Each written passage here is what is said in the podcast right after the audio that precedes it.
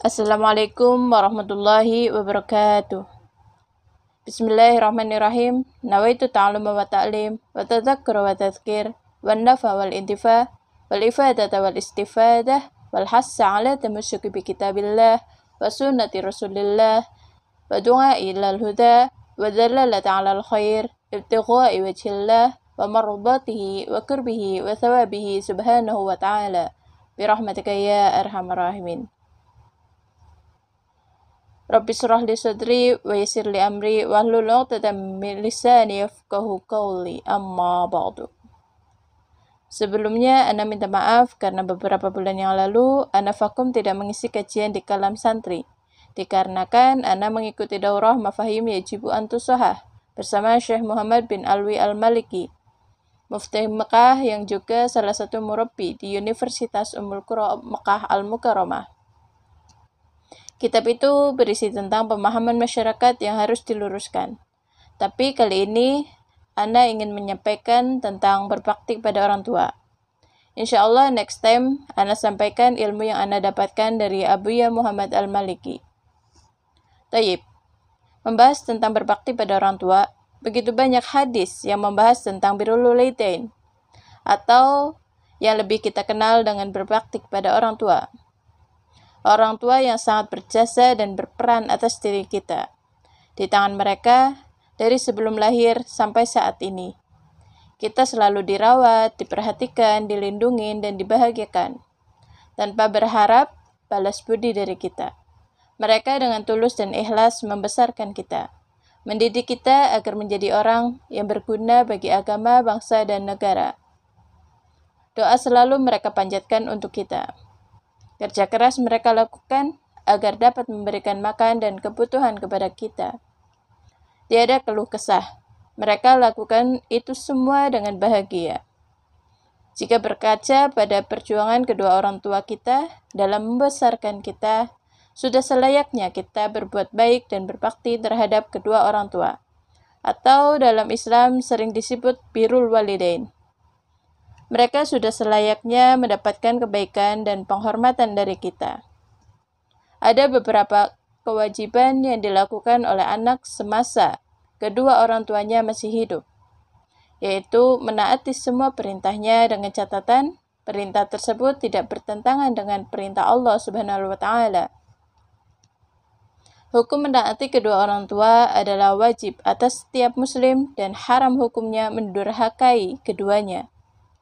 Tidak diperbolehkan sedikit pun mendurhakai dan menyakiti mereka berdua. Oleh karena itu, seorang muslim tidak boleh mendurhakai apa saja yang diperintahkan oleh kedua orang tua. Allah Subhanahu wa taala berfirman dalam surat Al-Ahqaf ayat 46. Bismillahirrahmanirrahim. ووصينا الإنسان بوالديه إحسانا Kami perintahkan kepada manusia supaya berbuat baik kepada dua orang ibu bapaknya. Kita juga diwajibkan menghindari perkataan kasar dan nada tinggi agar tidak menyakiti hati orang tua kita. Sebab ridho Allah Subhanahu wa taala adalah ridho orang tua kita dan murka Allah adalah murka orang tua kita. Sebagaimana dalam hadis Rasulullah Shallallahu Alaihi Wasallam bersabda, Ridullahi fi ridul walidain wa syahatullahi fi syahatul walidain. Ridho Allah subhanahu wa ta'ala ada pada ridho kedua orang tua dan kemurkaan Allah ada pada kemurkaan orang tua. Hadis riwayat Tirmizi Ibnu Hibban Hakim. Ana mengutip satu dalil dari Al-Quran Surat Al-Haqqaf untuk berbuat baik pada orang tua, juga satu dalil dari hadis tentang ridho Allah ada pada ridho orang tua kita. Dari dua dalil itu, Anda ingin memberikan contoh agar kalian semua bisa lebih memahaminya.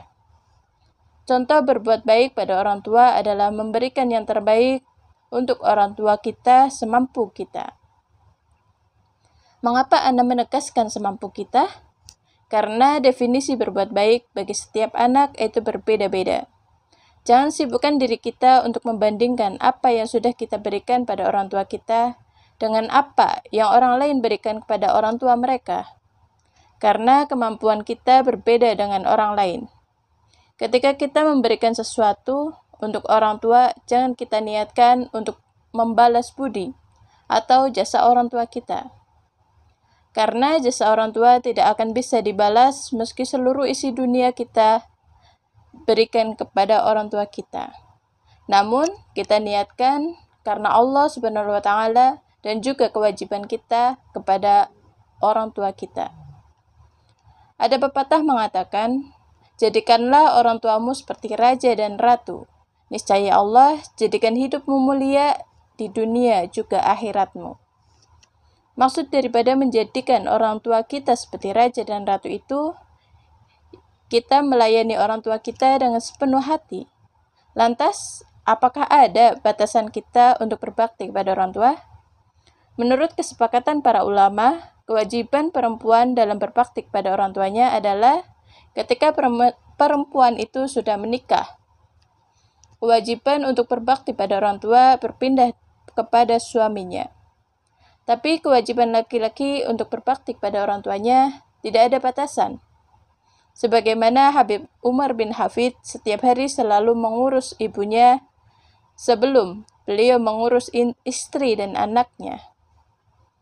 Jadi setelah menikah kita boleh langsung misah rumah dari orang tua kita. Tapi jangan lupakan kewajiban kita kepada orang tua kita. Nah, untuk kita yang perempuan, usahakan sebelum kita menikah, kita sudah bisa membahagiakan orang tua kita. Sehingga ketika kita sudah menikah nanti, kita sudah menjalankan kewajiban kita untuk berbakti kepada orang tua. Tapi bukan berarti setelah kita menikah kita tidak peduli lagi dengan orang tua kita. Selagi ada kesempatan untuk tetap berbakti, berbaktilah kita kepada orang tua kita dengan ridho suami kita pastinya. Karena itu, sebelum kita menikah, pastikan dulu calon suami kita adalah orang yang berbakti kepada orang tuanya. Karena calon suami yang berbakti kepada orang tuanya itu biasanya juga bisa berbakti pada orang tua kita juga. Sehingga kita pun bisa tetap berbakti pada orang tua kita untuk selamanya. Lantas, bagaimana cara berbakti kita kepada orang tua kita yang sudah meninggal? Kita bisa bersiarah ke makamnya, kita bisa mendoakannya, kita bisa menyambung silaturahmi dengan orang-orang yang pernah dekat dengan orang tua kita. Taib. Kita lanjut ke dalil tentang ridho Allah adalah ridho orang tua kita. Jika orang tua kita ridho dengan kita, apa pun yang kita lakukan, maka Allah mudahkan segala urusan kita. Zaman sekarang banyak sekali orang-orang mengatasnamakan cinta untuk menentang orang tua. Ana rasa itu bukan cinta, melainkan hanyalah dusta. Karena cinta itu menyatukan, bukan memisahkan. Jangan karena kita mencintai putra atau putri seseorang, tapi kita menentang orang tuanya. Jangan karena ingin menjalin hubungan baru demi status baru, kita memisahkan hubungan seorang anak dari orang tuanya, juga keluarga besarnya. Ada banyak cara untuk menggapai ridho orang tua kita.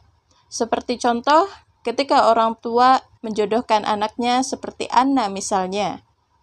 Meskipun zaman sekarang sudah sangat langka tradisi tentang perjodohan anak. Tapi sejak kecil Anna sudah dijodohkan oleh orang yang mengasuh anak. Ya, meskipun Resikonya banyak sekali. Orang-orang yang mengajukan pertanyaan pada anak, sampai terkadang anak malas untuk menjawabnya. Seperti contoh, kok bisa sih orang Cilacap dapat orang Jawa Timur? Kok bisa sih anak petani bisa dapat putra kiai?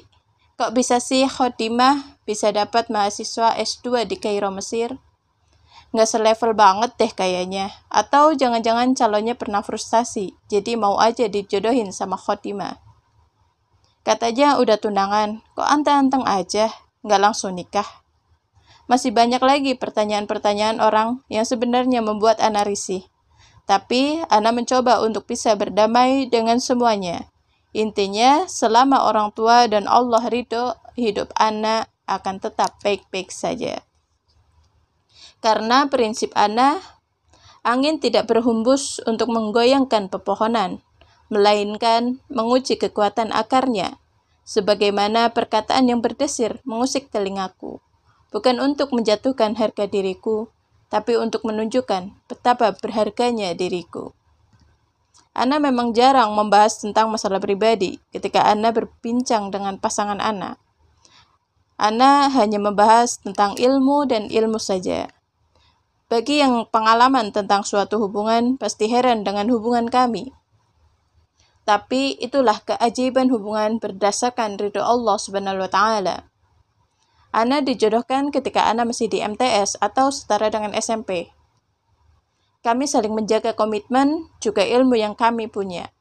Sehingga kami bisa saling menjaga dari orang-orang yang tidak memiliki hak atas kami, seperti ikhwan dan akhwat yang bukan mahram kami.